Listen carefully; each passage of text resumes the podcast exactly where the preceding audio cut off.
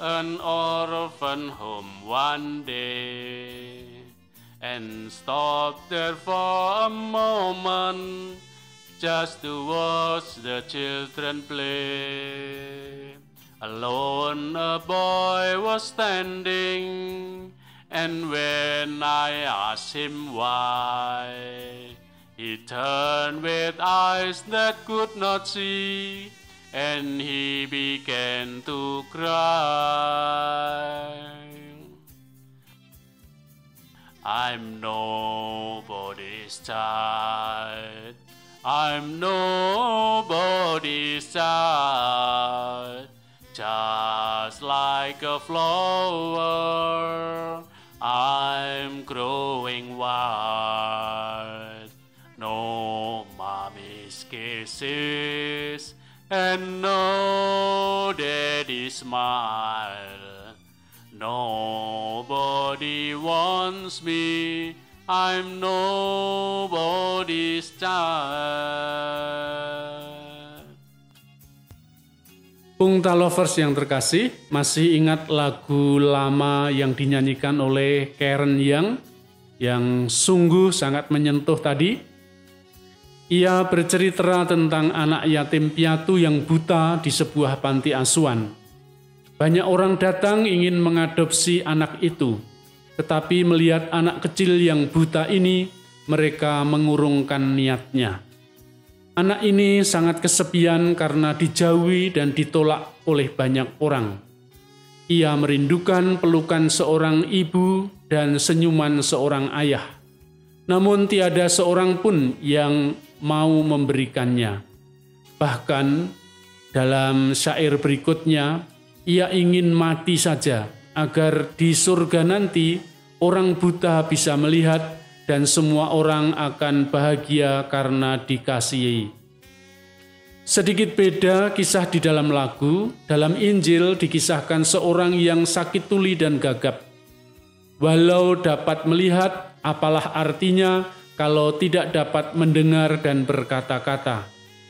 Dunia seolah sunyi dan hampa Panca indera adalah bagian penting dalam diri kita manusia. Jika salah satu indera kita sakit, kita akan mengalami kesulitan. Pada masa pandemi ini, kalau indera penciuman atau perasa kita tidak berfungsi, kita sudah harus waspada, segera pergi ke dokter untuk memeriksakan diri. Pungta lovers yang terkasih, Yesus dalam bacaan Injil tadi menyembuhkan orang yang sakit, tuli, dan bisu dengan berkata, Evata, terbukalah. Ia dapat mendengar dan berkata-kata. Maka kemudian hebohlah orang sekampung. Saking gembiranya mereka tidak mengindahkan kata-kata Yesus untuk tidak menceritakan peristiwa itu kepada semua orang. Kita bisa membayangkan bagaimana seorang ibu atau seorang ayah ketika mendengar untuk pertama kali anaknya yang masih kecil mulai bisa berkata-kata. Anak kecil itu bisa mengucapkan "mama". Mereka pasti sangat bahagia dan bersuka cita dan mengabarkannya kepada semua orang. Demikian pula Yesus datang membawa kabar sukacita ia menjadikan segala-galanya baik, yang tuli dijadikannya mendengar, yang bisu dijadikannya berbicara. Inilah yang diramalkan oleh para nabi zaman dahulu bahwa Mesias akan datang dan akan menjadikan segala-galanya menjadi baik. Orang yang tuli akan mendengar, orang yang bisu akan berbicara. Pungta lovers yang terkasih, apakah Anda tidak bersyukur Tuhan menjadikan Anda baik-baik adanya? Tuhan memberi telinga yang baik, mulut yang baik, mata yang normal, sehingga bisa melihat dunia ini dengan segala keindahannya. Apakah Anda tidak melihat bahwa ini adalah kebaikan dan mukjizat Tuhan?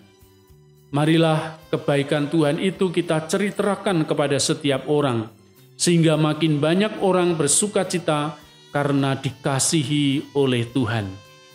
Kita ini bukan nobody's child, tetapi kita adalah the special one for God. Kita adalah orang yang sangat istimewa di hadapan Tuhan.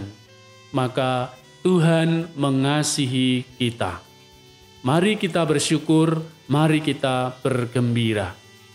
Gembira adalah obat hadapi pandemi agar imun kuat dan terus bertahan. Betapa bahagianya kita dikasihi, kita pantas selalu bersyukur kepada Tuhan.